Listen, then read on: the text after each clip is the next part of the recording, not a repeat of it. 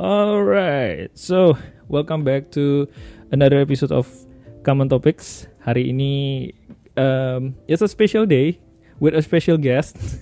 Jadi hari ini uh, gue kedatangan tamu uh, narasumber yang sebenarnya udah lama banget gue pengen ngobrolin tentang hal ini gitu loh. Jadi uh, early 2020 tuh udah udah mulai muncul uh, fenomena baru di dunia seni namanya crypto art dan um, akhir-akhir ini tuh mulai banyak tuh seniman-seniman Indo yang mulai aware tentang crypto art itu sempet nyari hampir apa ya hampir ya dari dari awal 2000, 2021 gue sempet nyari nyari uh, narasumber cuman memang sulit sekali gitu buat nyari buat dapet yang yang yang paham tentang hal ini karena memang nggak terlalu banyak yang tahu dan hari ini ada uh, salah satu temen gue namanya Mas Pamuji Selamat atau panggilannya Pam. Welcome to the show Pam. Yo. Uh, thank you for coming. Dan Pam ini adalah representatif dari Rashgale X, one of the uh, apa ya bisa dibilang ya? Crypto gallery bisa dibilang gitu gak sih? Hmm, mungkin lebih ke kami ini tuh ka, uh, gini gini. Resgel X itu sebetulnya hmm. emang satu bagian dari Rachel Gallery. Yeah. Rachel Gallery sendiri memang galeri ya namanya. Hmm, hmm. Contemporary Art Gallery. Nah, tapi emang kami ini ada satu divisi yang spesifik untuk di crypto art. Oke. Okay. Nah, crypto jadi kami ini kalau disebut galeri sebetulnya enggak juga ya, karena kami kan cuma kolek oleh Ah. kami uh, kurasi yang menurut kami cocok Hmm. untuk uh, untuk kami uh, distribusiin lagi di marketplace Hmm, hmm. dan kami juga sebagian kolek juga Oh kolektor juga ya berarti ya? iya ngolek juga Ah. makanya jadi uh, Red Skull X ini apa ya sebenarnya lebih ke kolektor Kolek, sih ya kolek, kolektif of a collector. kolektor sih sebenarnya ya Kolektor. Oh. cuman nggak sendirian gitu kan Hmm. memang kami punya tim Hmm, kami punya tim kerja Eh, dalam tim kerja ini kami juga sekaligus pengen memperkenalkan lebih jauh soal crypto art Oke. secara spesifik secara luasnya soal berbagai hal yang di dunia kripto termasuk cryptocurrency gimana pakainya gimana kalau misalnya eh, apa untuk bahkan untuk tradingnya kita Hmm. kami juga bakal ada workshopnya tapi ya secara spesifik sih di crypto artnya Oke. Nah. Hmm, tapi jadi ya Hmm. lebih ke kolektor jadinya kelompok kolektor gitu. kelompok kolektor. Ko- Jadi bener kolektif a collective of a collector gitu. Biasanya kan kalau kolektif kan artis semua ya sih. Ini ini kolektif of a collector gitu. Tapi Iya. Pam, lu sendiri tuh berarti udah berkecimpung di dunia art tuh dari kapan? Be- boleh share dikit gak sih background lu gitu?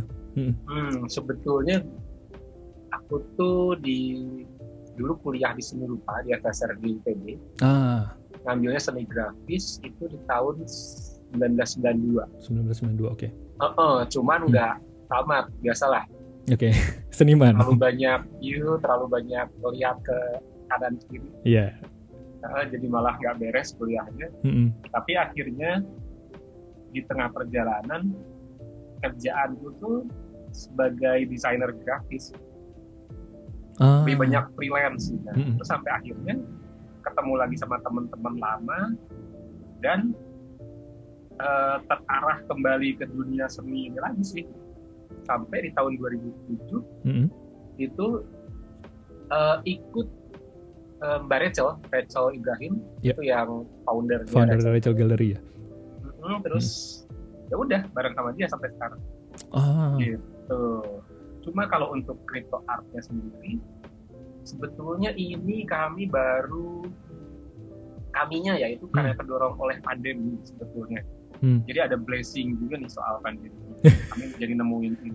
Blessing in disguise ya. Heeh, karena kami tuh harus eh, jadi dunia seni itu wah itu berantakan Hmm. karena pandemi. Iya.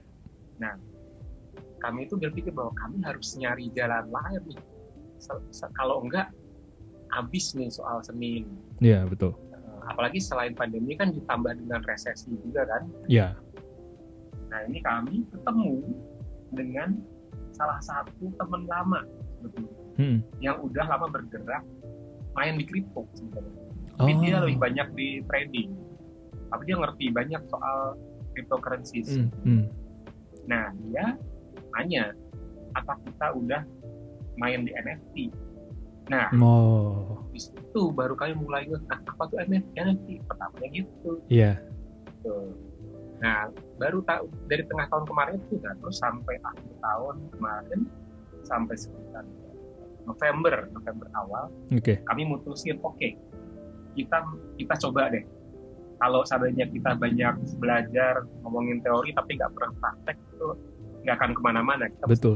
Betul. Nah, akhirnya November kami mulai eh, keliling dari Jakarta, Bandung, Jogja Hmm. untuk ketemu dengan seniman-seniman, ketemu dengan desainer. Kami pengen tahu dulu gitu apa se- seberapa jauh mereka ini paham soal crypto art. Oke. Hmm. Kami kenapa miliknya crypto art? Ya karena art itu bidang yang kami kuasain soalnya. Jadi kami nggak akan pengen nggak pengen jauh-jauh dari situ. Iya, benar sih. Hmm, Hmm. Nah, itu Dan kami sekaligus dalam dua bulan itu November dan Desember Hmm. itu sekaligus kami juga banyak nanya-nanya ke kolektor kami yang lama. Dalam Oke. artian kolektor karya-karya fisik ya. Hmm. Dapat mereka soal cryptocurrency, soal crypto art. Hmm. Kami melihat bahwa mungkin dari 10 orang itu tuh yang udah paham itu mungkin cuma satu. Oh, Maka jadi, wah nggak banyak yang tahu ya berarti ya? bukan bukan banyak tahu yang tahu cuma satu Iya, iya. 10. Nggak nggak nggak banyak yang tahu berarti ya? Heeh. akhirnya mutusin oke kalau kita mau uh, mau mulai bergerak di bidang art kita ini harus juga sekaligus ngasih pendidikan Ah, iya, ke masyarakat betul. kenalin dia pendidikan dia sementara di akhir tahun kemarin itu belum se booming sekarang sih Iya, kan belum se booming sekarang belum belum. kalau sekarang ini kayaknya udah jauh banget ya beda Iya. dengan Se- tahun kemarin Sejak Beeple 69 juta itu kayak. emang Iya, sejak itu Mm-mm. sejak itu tuh. Hmm, semua orang jadi ngomongin Semua orang jadi ngomongin gas fee mungkin dulu cuman berapa, sekarang jadi berapa? iya iya kan? nah nah walaupun kami ini juga sebetulnya kalau jujur kami juga telat sih Hmm. dulu orang pada bicara soal crypto art tahun 2018 kami belum ngerti. Kami masih kan pakai bitcoin? Nah pakai cryptocurrency FNU apa Ya gitu. Iya, iya, iya. Nah, betul. kami juga telat sebetulnya Mm-mm. karena juga emang harus diakuin udah banyak sebetulnya. Banyak Hmm. banget enggak tapi udah cukup banyak Udah mulai menjamur lah. uh, ilustrator sama desainer dari Indonesia yang sebetulnya udah terjun ke dunia itu Hmm. dari tahun 2019 banyak rata-rata. Oh, Hmm, makanya oh, oke, oke, kami oke. juga termasuk telat sih, tapi ya daripada lebih telat lagi ya, Betul sih. Eh, mendingan mendingan telat daripada nggak sama sekali kan. bener. Heeh. Yalah, sekalian Iya, kalau udah terjun ya udah terjun sekalian. Mm-mm. Tuh, tapi gitu kira-kira. tapi memang em, crypto art ini tuh kayak apa ya? Banyak kan yang banyak kan yang ngira ini bubble ya. Ibaratnya kayak something yang yang tiba-tiba jadi hype dan Hmm. menunggu kapan ini burst gitu loh ibaratnya kan. Cuman sebenarnya kalau dari cerita lo tadi tuh ini sebenarnya udah ada dari 2018 ya. It's not something new gitu. It's not something from 2020 gitu loh sebenarnya kan. Iya, smart kontraknya itu 2018-an Mm-mm. ya, mulai muncul. Oh, iya iya iya. Hmm, yang sama Ethereum ya, itu Iya, mulai iya. muncul. Udah, pokoknya arahnya udah mulai ke situ, cuman lebih apa ya lebih matangnya itu emang baru tahun kemarin sebetulnya. Ah, Karena kan gerak terus kan mereka betul. juga. Hmm, kayak gitu. Jadi ya kalau dibilang ini namanya baru, sebenarnya nggak baru. Nggak baru ya. Hmm, Ini kan cuma per- perkembangan-perkembangan dari sebelumnya gitu. Tapi emang dari dunia seni tuh selalu gitu ya Pak Mek? Kayaknya dari dulu ya. Maksudnya kayak seni tuh selalu mengikuti apa yang terjadi di dunia gitu kan. Itu emang. Jadi irisan dengan teknologinya tuh kencang sebetulnya seni itu Mm-mm. dari dulu tuh. Tiap ada teknologi baru, pasti diadaptasiin gitu Pasti ada iya seninya yang ber- berkembang menggunakan teknologi itu. Selalu gitu. Iya selalu gitu sih ya. Ya kayak eh ya gue sempat ikut eh, workshopnya Rage Galax juga. eh, Pam Hmm. juga sempat share waktu itu. Ya zaman-zaman dulu orang nggak nggak ngelukis cuma pakai cat. Pas ada Pilox mulai keluarlah graffiti Mm-mm. artist, street art gitu kan. Iya. mm-mm. Ya kan mulai ada kamera eh, video mung- eh, apa eh, yang performer apa, performing art mulai bikin Mulai video direkam, mulai direkam. Video. iya kan Mm-mm. kayak sampai zaman dulu kan Andy Warhol bikin yang apa sleep itu Mm. iya kan yang yang yang Iya. siapa aja tidur temennya ya Mm-mm. dia ngerekam temennya tidur 24 jam itu iya kan itu kan salah satu adaptasi dari dari dari uh, teknologi gitu sebenarnya kan Iya. even kalau nggak salah tuh uh, di di MoMA ya yang ada uh, iklannya Andy Warhol di Jepang itu tau gak sih Fam? Yang mana nih? yang dia dia jadi gue lupa itu di di museum mana gitu. Jadi Andy Warhol tuh pernah iklan pernah bikin iklan apa gitu di Jepang. Jadi sempat dikontrak buat iklan TV atau apa gitu. Nah itu dijadiin uh, piece of art. Jadi di, di displaynya tuh di TV Hmm. iklan. Jadi iklannya Andy Warhol dia cuma ngomong apa Aiwa atau apa gitu loh. Iklan Aiwa kalau nggak salah. Iya, Andy Warhol kan semua karyanya rata-rata begitu ya kayak Emang. kayak bener-bener dia coba segala hal gitu mau dari dari screen print dari video dari foto macam-macam kan iya sih bener Iya. sih Dia emang mau nggak mau harus di harus diakuin bahwa dia bikin banyak terobosan sih ya. Iya sangat Mm-mm. dan gua rasa sih kalau Andy Warhol sekarang masih ada mungkin ya karya dia udah masuk NFT ya udah di rarible di mana-mana gitu. Eh kemarin nih di Rarible ada ini kan? oh iya fotonya Andy Warhol Iya. iya Heeh. itu berapa terakhir ya Kejual 49. 49 ET, ETH ya Iya, pas closingnya. wah anjir itu berapa ya USD Sekarang tuh ETH itu 31 setengah, Mm-mm. eh 31 juta 500 kalau nggak salah terakhir. Tadi aku lihat di siang. Nah itu kalian hitung di- sendiri deh tuh berapa mi- 31 Berapa juta dolar? berapa kali eh, 49.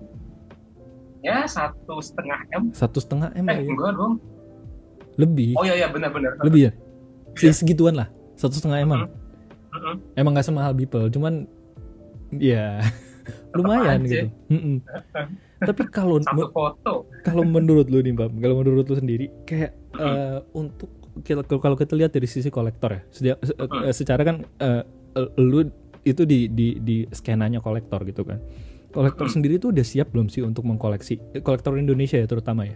Udah siap belum sih untuk mengkoleksi NFT ini gitu? Karena kan banyak banget concern kayak eh, eh, banyak yang kayak lu bilang kayak banyak yang belum ngerti blockchain gitu kayak Hmm. ini gue punya NFT bisa di save sama orang bisa di di di download terus kayak apa fungsinya gitu kan? Kalau misalkan ya kan banyak banyak yang masih masih belum ngerti itu. Nah dari kolektor Indonesia sendiri tuh udah siap belum sih untuk untuk paham NFT ini gitu? Menurut lo? Baru mulai. baru mulai ya? Baru mulai. Tapi ini juga kan gini, seperti juga eh, soalan teknologi yang lain, Hmm.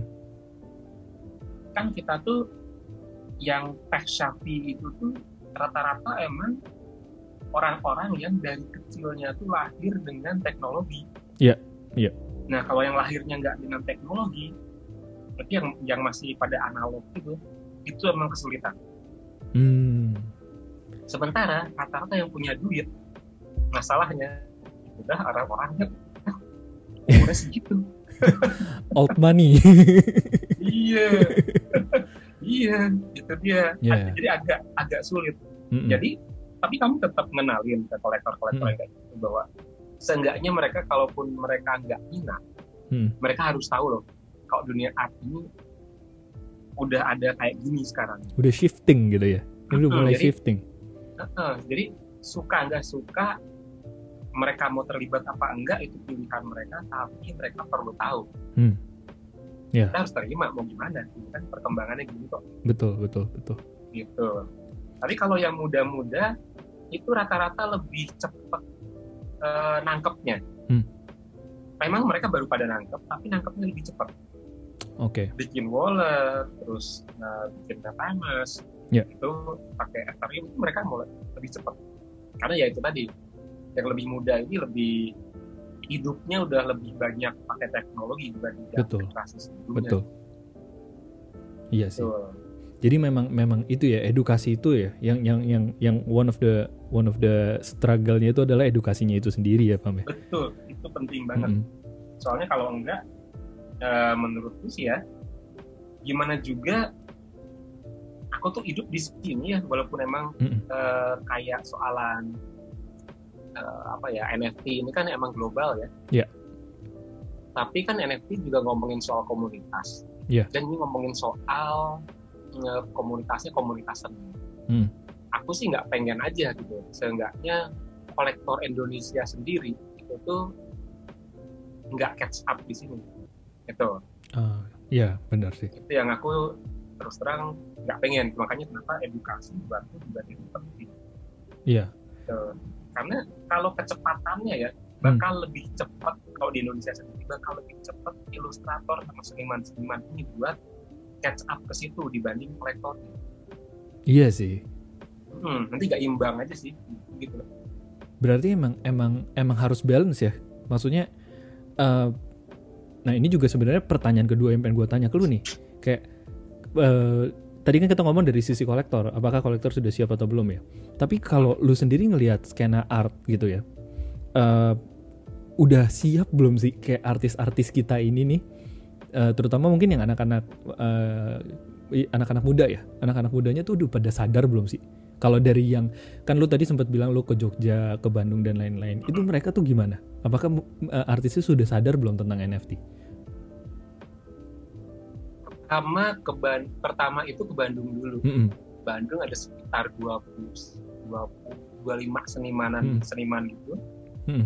itu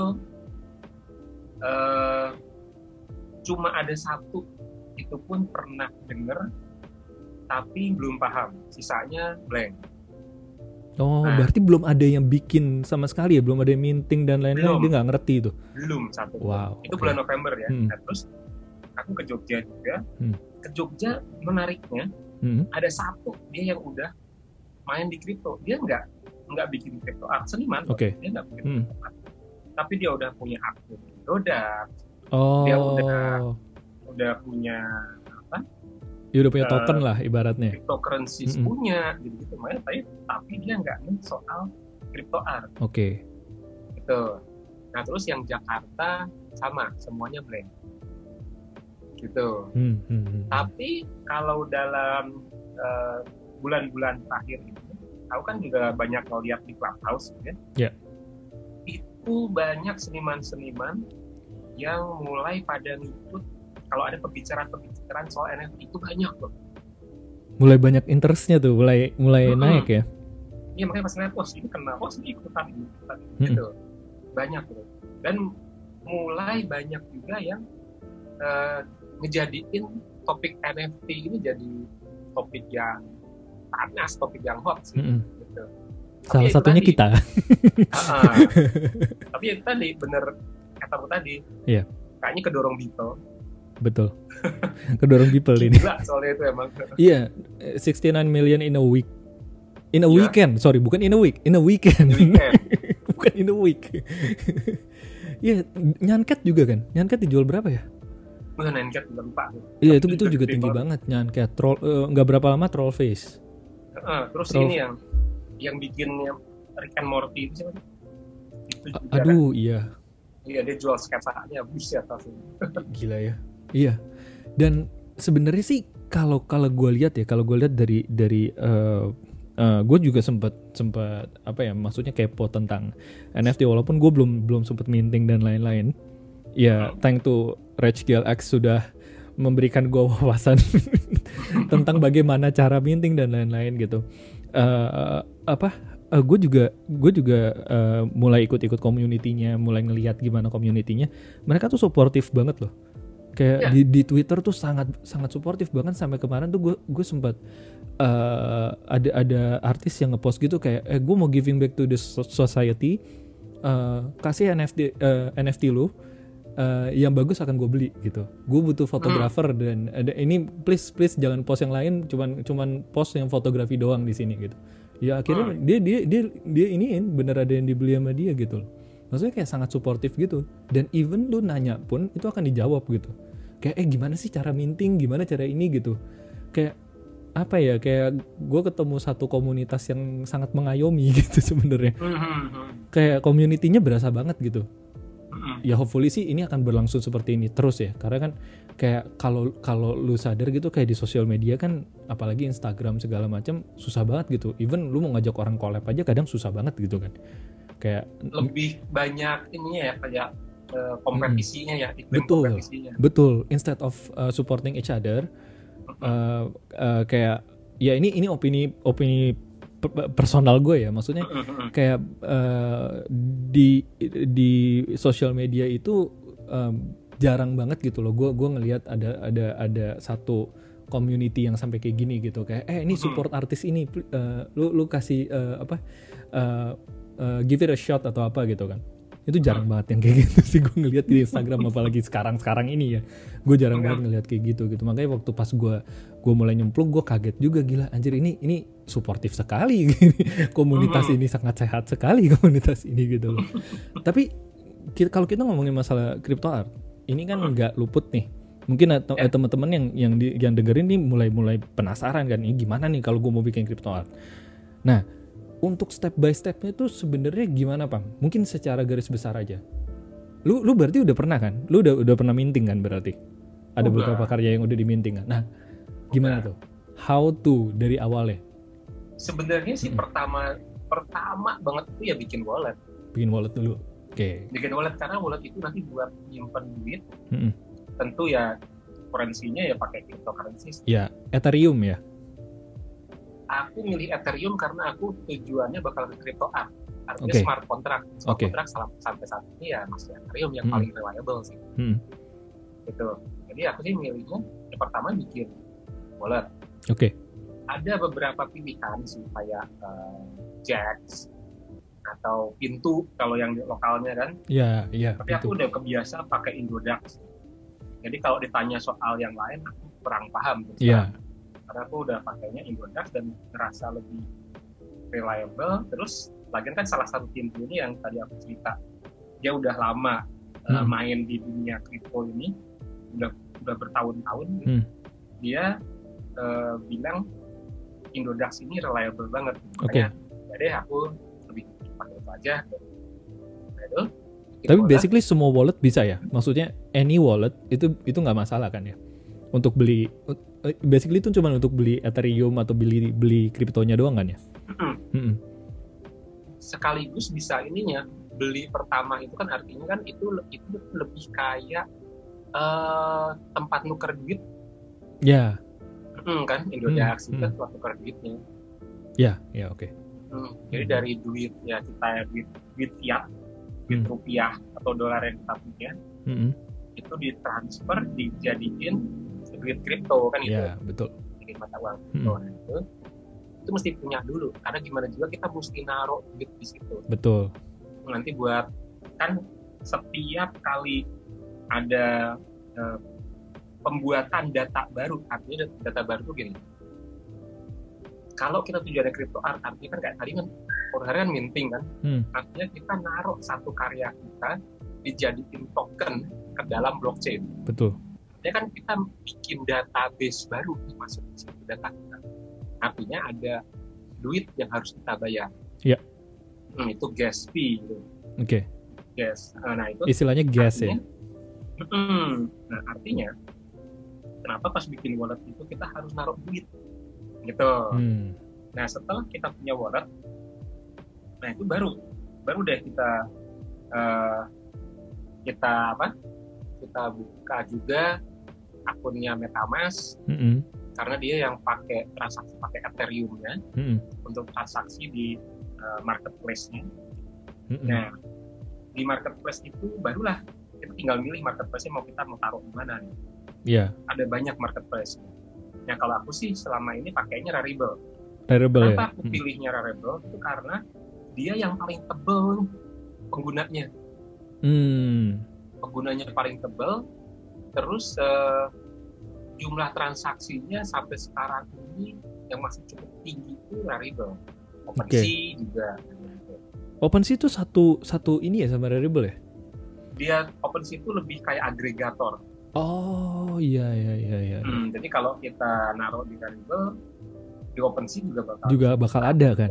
Uh -uh. Hmm, dan dan Emang. Rarible tuh nggak nggak ini ya uh, kalau mungkin teman-teman ada yang pernah dengar super rare mungkin mm-hmm. uh, kepikirannya oh berarti mesti di ibaratnya mesti di curate dulu nih sama galerinya tapi di Rarible tuh nggak nggak nggak pakai sistem itu ya di Rarible tuh enggak enggak enggak makanya kami itu begitu ngeliat Rarible waduh sebanyak ini karya yang masuk ke sini semua mm-hmm. pikir aku pengen di situ selain aku ngumpulin aku kan juga pengen uh, milihin karya-karya yang menurut kami asik nih yeah. terutama kalau buat kami ini karya-karya yang Indonesia mm. Yang orang Indonesia nih gitu Oh, karena kan kami juga pengennya juga uh, sesuai pas yang kami uh, kami pengenin waktu kemarin pandemi itu adalah kami juga pengen support seniman. Iya. Yeah. Biar seniman juga bisa hidup walaupun pandemi sama resesi. Nah, itu makanya kami juga, oke, okay, teman-teman yang seniman yang pada bikin karya crypto art, coba dong pada minting, gitu, pada minting. Nah nanti liatin deh ke kami. Mereka ah. pada minting beberapa, kami ngeliat, oh ini asik nih, ya udah mau mau gitu Oh, ya ini yang tadi gue bilang nih. yang tadi gue bilang nih, exactly the same. kayak, kayak emang create community creator kayak gitu ya, kayak maksudnya kayak yeah. eh, show me your NFTs and maybe we'll get it. nah, terus kami juga pengennya kan karena di NFT hmm. ini kan kalau kita kita misalnya punya nih udah punya karya nih, hmm. terus kita jual lagi, itu kan kreator tuh tetap kebagian punya duit lagi kan? Oh ya royalty. Dapat royalty. Iya. Yeah nah secara otomatis selalu dapat nah makanya kami juga oke okay, kami jualin lagi gitu hmm. nah itu ya, sih seniman yeah. juga bisa dapat pemasukan lah I think this is the first time ya uh, gue gue nggak tahu ya mungkin uh, mungkin lo lebih lebih ada experience di sini cuman I think this is the first time digital art itu punya sistem seperti ini kayak Betul, biasanya kalau gue jual karya misalkan uh, gue kan fotografer gue jual hmm. foto gue ke orang ya orang hmm. itu jual ke orang lain ya ya itu urusan dia gitu loh. Iya, iya kan? ibaratnya kayak gue jual ke dia satu juta misalkan let's say satu juta. Someday gue jadi gede banget nih misalkan. Amin gitu ya. Hmm. dia ngejual ke orang itu satu miliar gue gak dapat apa-apa. Iya gue cut di satu juta itu. Iya betul. Sedangkan kalau seandainya di, di NFT ini berarti seandainya dia jual ke orang itu satu miliar gue dapet 5 sampai 10 ya 10 iya. persen maksimal sampai 30 kalau nggak salah ya bisa. 30 kalau kita set itu sampai 30 persen bisa juga sampai 30 persen ya. Cuman most likely 10 ya. Likely 10 sih. Iya. Gila Tapi sih. kan enak ya maksudnya. Hmm. Kita tahu karya kita sekarang ada di mana. Iya. Harganya berapa? Sebagai, harganya berapa yeah. sebagai kreator juga begitu karya itu pindah tangan pindah tangan selalu dapat royalti hmm. gitu kan. Hmm. Jadi jadi ini sistem ini enak banget nih terutama buat seniman-seniman digital. Iya. Yeah sebelumnya ya kayak yang tadi ceritain. Iya, beli putus aja. beli putus aja. kayak kayak beli di stok aja, beli di Shutterstock. Iya kan? Kita kan nggak iya. nggak nggak mungkin tahu itu misalnya kita kita post di Shutterstock ini ya dia mau pakai apa misalkan uh, biasa kan yang, yang ngambil dari Shutterstock agency kan agency hmm. itu pakai pakai karya kita ya dibeli dengan harga segitu gitu dengan harga subscription Shutterstock dia tapi iya. agensi itu misalkan menjual ke kliennya sebesar misalnya 100 juta untuk untuk foto itu, foto itu kan udah diedit-edit pasti kan sama agensi ini dan dan uh. Uh, keluar uh, as, a, as a print ad atau apa dengan value 100 juta kita nggak akan dapat royalti dari situ. Iya, nggak iya. bisa juga minta gitu. Iya, nggak bisa juga. eh, lu pakai ini buat ini. Iya, lu license lu udah buat buat print, print ad buat ads gitu misalkan. Iya. Ya udah segitu, udah nggak nggak ini iya, iya sih this is a revol revolutionary idea sih sebenarnya benar emang ini yang bikin gue excited sama crypto art sih sebenarnya pam kayak hmm. this is the first time kayak gue berasa digital art tuh sangat diapresiasi gitu loh hmm. nah itu makanya kenapa itu tadi hmm. ini kayaknya gue pikir kenapa gue langsung kemarin nih langsung bikin apa roadshow itu Ya. Karena gue pengen melihat bahwa seniman-seniman ini sumber eh, selain ini sumber art, eh, apa sumber eh, medium yang baru Hmm. untuk outlet artistiknya mereka ini bisa jadi mudah-mudahan bisa jadi sumber penghasilan baru juga buat Betul. mereka betul gitu jadi kan galeri nggak bisa hidup tanpa senimannya Iya. makanya jadi kalau senimannya pada miskin nggak bisa bikin karya kan galeri juga yang repot. Betul. Itu makanya kenapa gue juga pengennya jadinya bantuin Iya. mereka juga bener sih. Kayak kayak ini gue nggak akan kaget. Gue nggak akan kaget kalau seandainya 5 sampai 10 tahun ke depan ada orang yang memang jadi full time artis dan bener-bener jadi full time artis gitu loh. Bisa Gitu. hidup. Bisa hidup kayak ke- karena gini loh bukannya gue bilang full time artis nggak bisa hidup ya banyak ya. Daniel Arsham uh, ya uh, uh, Takashi Murakami segala macam ya bisa hidup gitu kan. Cuman Mm-mm. maksudnya nggak banyak gitu yang yang mau ngambil take the risk kayak gue mau bener-bener bikin apa yang gue mau dan gue mau hidup dari situ itu jarang sekali apalagi digital artist gitu kan. Kebanyakan ya Ya, mereka ujung-ujungnya ke agency ke studio dan lain-lain gitu. It doesn't mean it's a bad thing cuman wouldn't wouldn't it be nice kalau seandainya kita ada satu satu alternatif pekerjaan lagi yang memang lu bener-bener bisa fokus aja ke fine art gitu ke ke yang emang pengen lu kerjain gitu. Dan lu bener-bener bisa ngejual karya lu dan diapresiasi gitu. Even lu lu sekalian investasi kan itu lu dapat royalty every time karya lu dijual gitu kan. Iya. Iya. Sekaligus Wow. investasi sebetulnya. Bener sih. Enak banget sih sebetulnya makanya wah ini Iya, iya. outlet yang oke nih itu baru buat para seniman berarti jadi tadi terutama seniman-seniman digital karena sebelum ini Iya. karya digital eh karya seniman digital itu, paling salah satu yang paling susah buat dijual loh iya iya karena begitu orang biasanya kan beli lukisan Hmm. beli patung oke beli lukisan beli patung udah kan jadi ada kayak kerasa gitu lah Ya. yang digital mereka ngasihnya apa? Ngasihnya flash disk. Iya sih bener. Iya kan? bener sih nggak salah sih pak. Jadi- bener. orang tuh pada bingung. Jadi Iya. pada pada nggak laku. Gue mau display di mana gitu juga. Jadi pada gitu kan. Iya kan? Flash disk ngasihnya iya terus di- mereka pada bingung. Mm-mm. si, siapa? Si kolektornya pada bingung. Dan pasti ada berasa Iya. insecure juga kan? Maksudnya kayak ya, ya gue kasih ke lu terus terus atas dasar apa nih lu nggak bisa jual itu ke orang lain juga? Iya emang. kan Heeh. kalau anggap kalau anggap sama gue nggak jual orang lain di kopi iya. kita pada tahu. Masa ada MOU-nya gitu kan perjanjian Iya saya tidak akan menjual data ini ke orang lain kan nggak mungkin. Andai kata kayak gitu tiba-tiba laptop lu hilang hard disk lu hilang. Iya kan? Enggak ya ya udah gitu. Nah iya. that's why the blockchain technology uh, come di NFT gitu loh. Karena kan Hmm. memang uh, ya ini sepemahaman gue ya yang dijual oleh NFT itu sebenarnya bukan karyanya. Ini- uh, buat kalian yang masih bingung yang dijual sama NFT itu bukan barangnya tapi kepemilikannya ya ownershipnya gitu loh. Mhm. jadi jadi gini loh everybody semua orang bisa punya foto Banksy misalkan. But it doesn't mean you own a Banksy. Iya kan?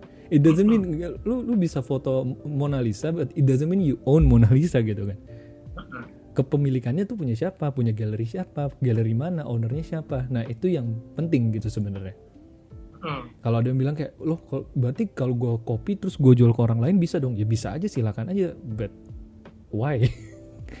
Kenapa lu mesti concern dengan hal itu? Karena kan memang kepemilikan lu di blockchain itu kan sudah jelas siapa yang punya. Iya Iya. catat pula. Betul. Kecatat Betul. pula.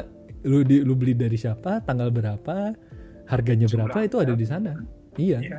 itu sih sebenarnya yang yang bikin eh, NFT ini menarik sih buat Hmm. buat lebih transparan juga dia. lebih transparan betul Eh, ya masalah roy- royalti dan lain-lain tadi ya jadi sebenarnya Hmm. kalau kalau kita rangkum nih ya eh, untuk artis sebenarnya cukup simple untuk bikin NFT ya maksudnya it doesn't mean nggak nggak maksud simple as in a prosesnya simple gitu jadi basically punya karya eh, bikin wallet bikin metamask eh, cari platform yang sesuai ya entah mau super rare entah mau rareable dan lain-lain.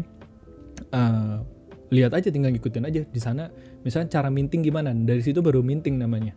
Ya kan? Di di, di platform itulah baru nanti akan ada eh, proses mintingnya. Nah mungkin na- nanti kalau misalkan mau tahu lebih lanjut uh, Rage Girl Rage Girl X mau ada workshop lagi ya kayaknya ya? Kemungkinan ada sih ada. Hmm, nah Ada. nanti cek aja Instagramnya Rage Girl X gue juga ngeliatnya dari situ tuh. Iklan nih. Iklannya nggak iya apa-apa. makasih.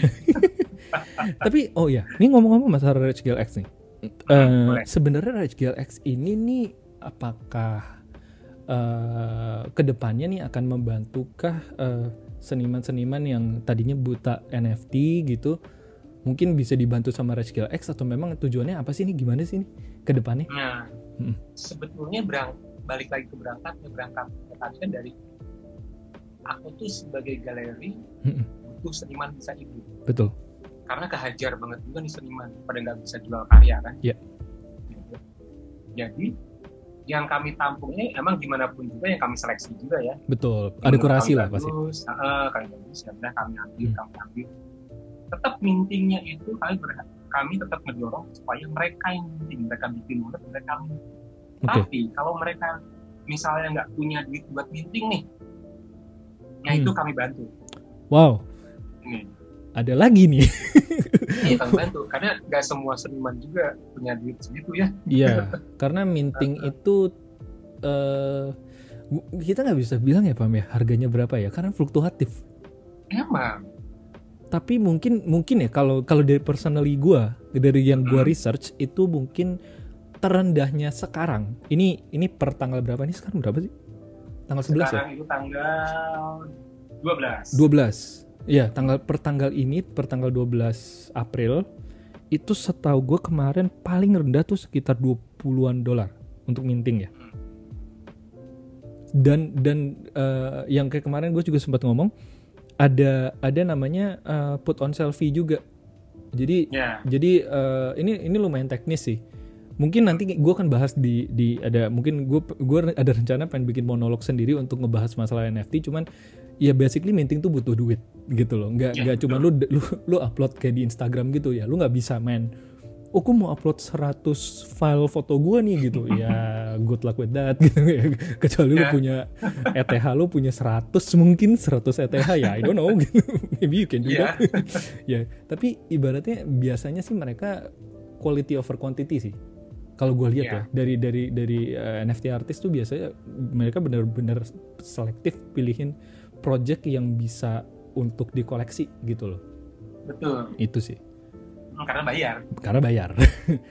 Dan orang juga ada eh, sempet oh sorry nih gue gue jadi nyamber lagi nih. Hmm. Ada yang bilang kan katanya eh kalau di kalau NFT misalkan nih karya gue di NFT-in lagi sama orang gimana?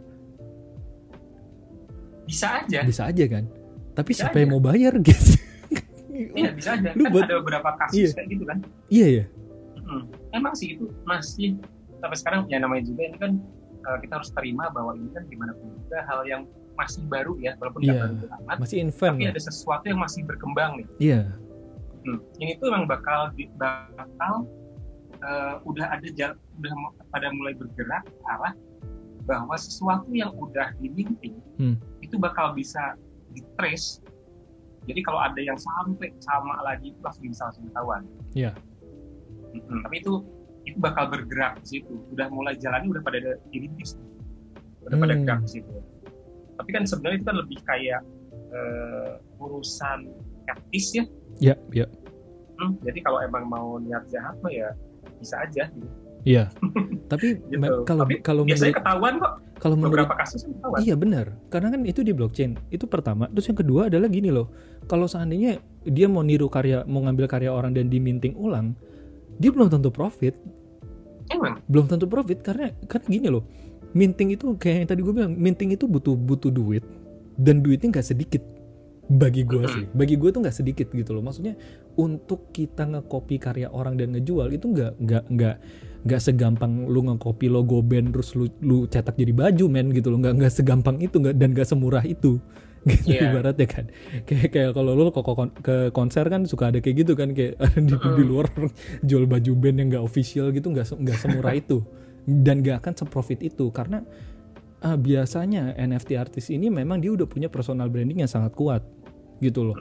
Jadi uh, mungkin ini advice juga ya maksudnya eh, eh, eh, jangan ke bawah hype juga gitu loh. Maksudnya lu juga harus punya uh, personal branding yang kuat juga gitu loh. Ibaratnya kayak as an artist tuh nggak cuma lu ngepost NFT terus lu nggak ngurusin sosial media lu lu nggak punya any uh, any personal branding gitu ya ya nggak gitu juga gitu. Hmm. tetap lu mesti punya voice di social media at least Betul. gitu.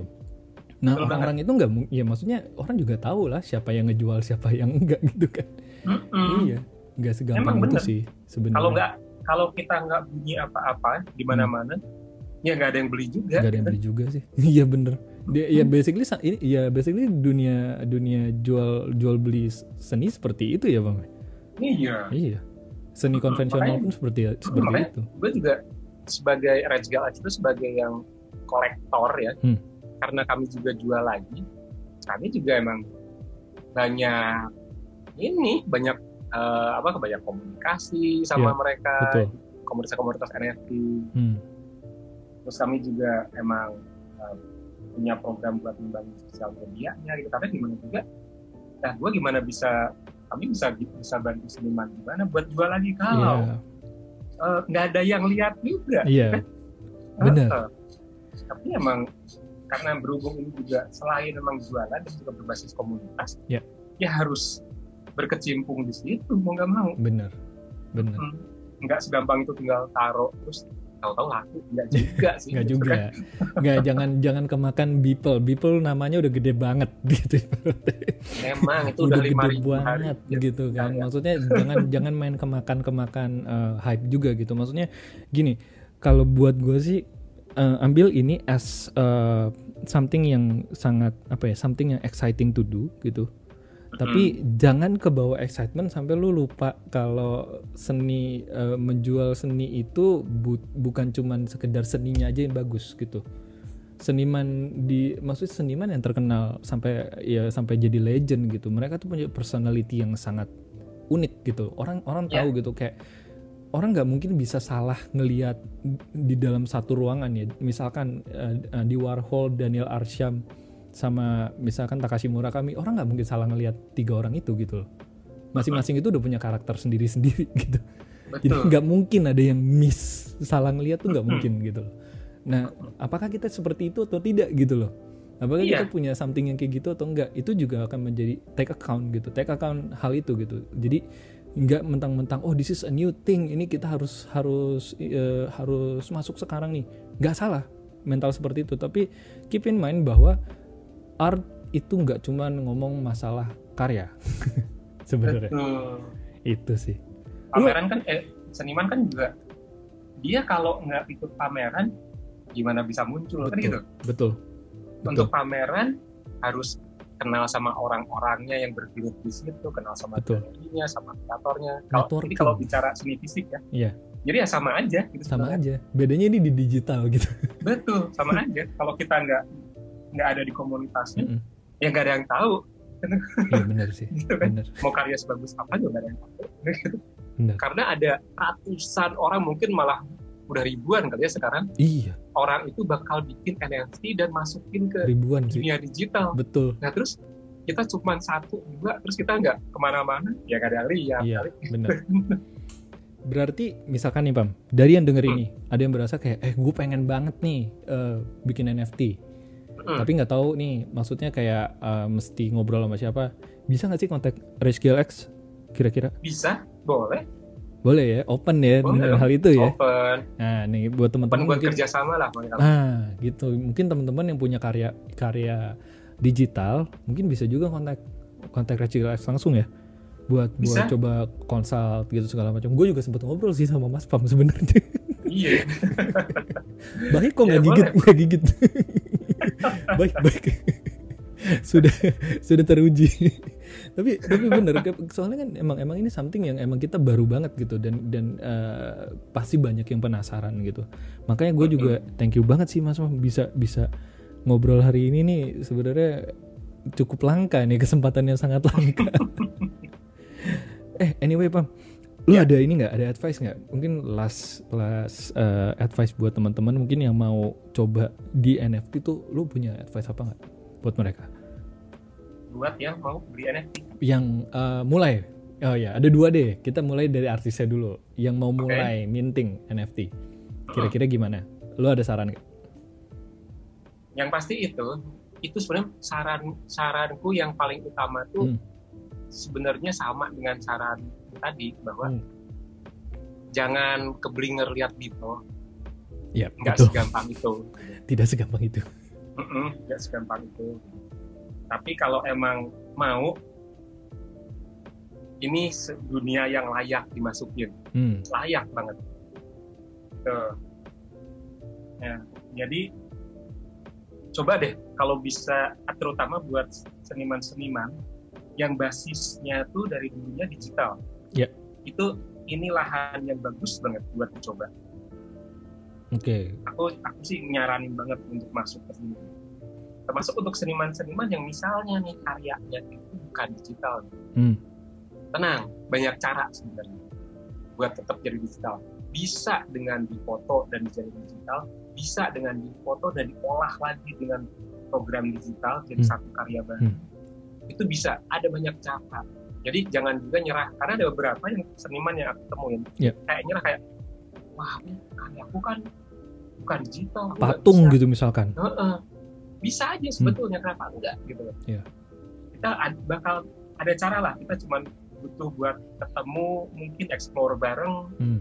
malah nanti mungkin jadi karya baru kan nggak ada yang tahu gitu. Betul. jadi jangan jangan kepatok sama uh, medium Ya. itu walaupun ya. senimannya itu seniman apa pun lah kalaupun bukan digital jangan kepatok sama medium Oke. karena sayang ini dunia yang layak banget buat dimasukin Hmm. Itu kalau buat seniman Kalau buat kolektor gimana? buat kolektor juga rata-rata kolektor yang ketemu yang aku tahu itu mereka pada masalahin cara display. Ya. Bener sih. Hmm. kan, nah, karena kan mereka kayak, eh kalau ngelihatnya berarti cuma ngelihat di HP doang. Ya gitu kan kayak Ya. kesannya dia. Nah, sebenarnya enggak. Karena hmm, aku tuh nggak niat promosi ya sebetulnya. Hmm, hmm. Tapi sampai saat ini yang ngeluarin televisi yang bentuknya mirip sama ada frame-nya gitu buat buat naruh karya seni itu Samsung. Ah, Ada satu seri Samsung itu udah mulai ya? Samsung mm, digital frame. Itu tuh dia bener-bener TV kayak TV Oh. tapi bentuknya kayak pinggirnya tuh ada frame-nya gitu loh. Ini yang dipakai sama Top Shot ya kalau nggak salah ya? Iya, Oh iya. itu Hmm. itu jadi kalau TV-nya itu mati dia bisa nampilin karya-karya yang kita masukin eh, kita masukin filenya ke situ dan itu nggak silau kayak monitor dia ngikutin lightingnya kalau Oh. agak redup dia juga kelihatan lebih redup gitu loh jadi benar-benar kayak karya aja Iya iya iya. jadi iya, bisa iya. di display nah terus juga ada yang eh, lupa namanya, sorry itu ada eh, frame-frame kecil gitu segede A4 Hmm. ada segede A5 buat ditaruh di meja tapi itu bisa buat naruh karya-karya digital nah Hmm. produk-produk ini ini tuh berkembang di akhir tahun kemarin juga bareng sama mulai maraknya Wow. jadi sebenarnya jangan nggak usah khawatir untuk soalan display menurutku sih. Iya sih. Dan gue juga kayaknya sempat dengar ada yang bikin virtual gallery bahkan. oh emang? Iya kan? Mm-mm. Sampai di tahun 2018 tuh itu ada yang bikin museum untuk crypto art Iya. pertama kalinya di Prancis. Iya iya benar benar. Museum bener, museumnya virtual. Isinya karya-karya crypto art gitu. Hmm. Mungkin kalau Jadi- misalkan eh, agak janggal dengan konsep museum eh, museum virtual, kemarin kita sempat kan Jakarta apa eh, Jakarta, yang Jakarta Art apa sih? Gue jadi gue gue jadi lupa. Art Jakarta. Iya Art Jakarta sorry. Art Jakarta kan juga virtual virtual ini kan virtual viewing. Iya. Iya kan Art Jakarta. Yes, something like that itu bisa banget di, di, di, dibikin berarti itu possible sekali untuk dibikin kan? Possible banget. Iya. Makanya kalau seandainya kendalanya adalah soalan display, sebenarnya nggak masalah kok display. Hmm. So, nah terus bahkan ini loh, karya yang misalnya nggak karya bukan karya bergerak ya, misalnya karya yang karya dua dimensi yang nggak Hmm. bergerak lah. Itu tuh sempet ada si CryptoKitties sama CryptoPunks itu, Iya. itu tuh ada satu yang beli NFT-nya Hmm. sama dia di print, Oh dikirimin dikasih print ya. Dipajang. Hmm. Terus dia nanya, dia punya hak nggak buat majang kayak gini? Karena dia pengen nampilin ini Hmm. di, di rumahnya. Iya.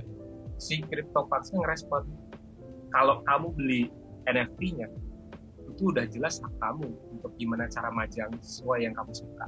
Wah, Gitu, makanya ya ya ya. emang benar gitu. Cuman yang kita mesti ingat bahwa yang kita pajang, yang kita print kan cuma kopian. Karya aslinya kan tetap kopian. Betul. Nah, jadi ya itu mah soalan display doang. Iya. Tuh kalau kolektor kemarin banyak kalau kesahnya itu susah display.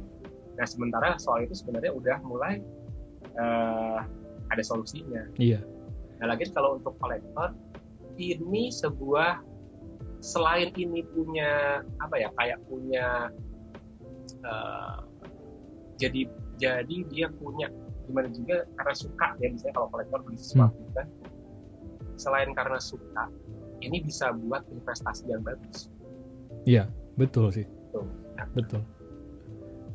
gitu. karena nggak selambat gerak investasinya nilainya nggak selambat yang di karya seni fisik Hmm. lebih cepat dan yang kedua dengan investasinya di sini kita punya double nih selain karyanya yang nanti yang bisa dijual lagi dengan lebih cepat naiknya investasinya ini juga eh, kita dapat keuntungan dari pergerakan nilai mata uangnya itu sendiri Oh iya sih.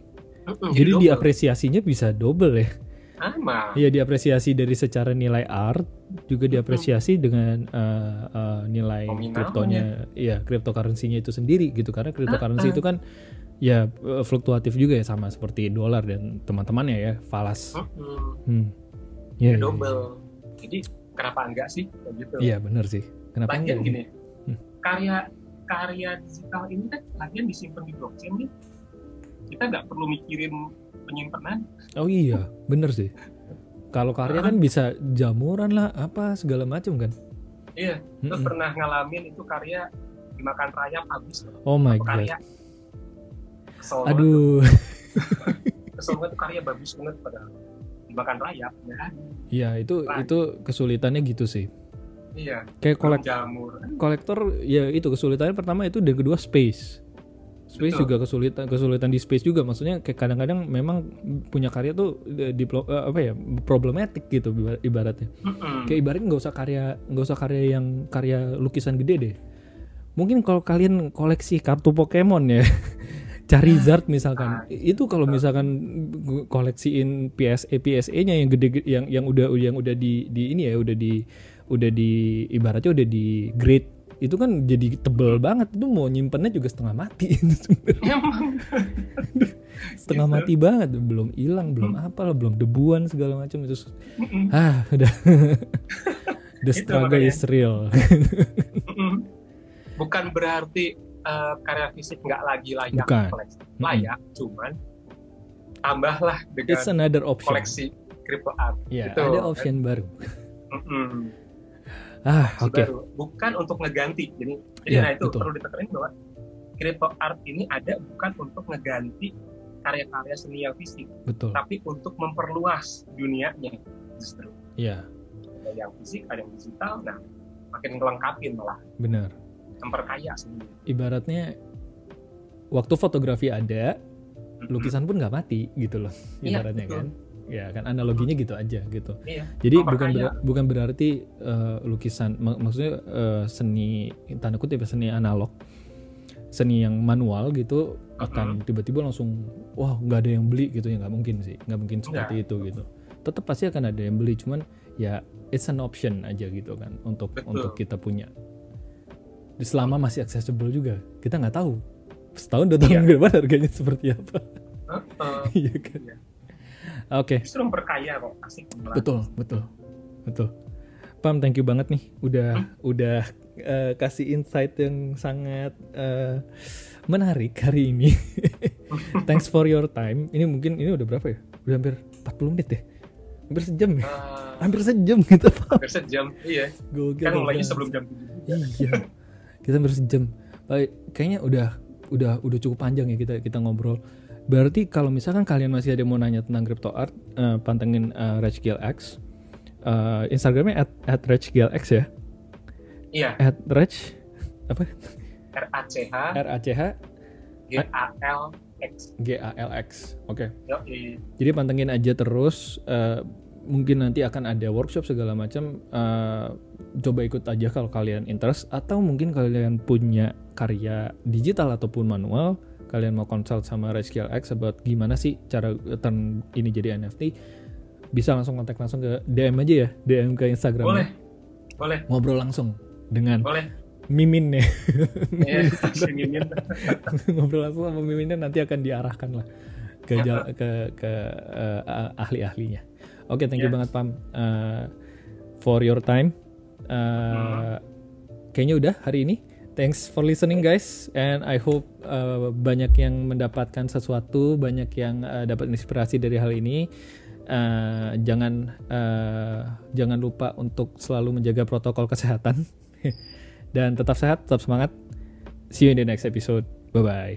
Oke, thank you ya. Thank you.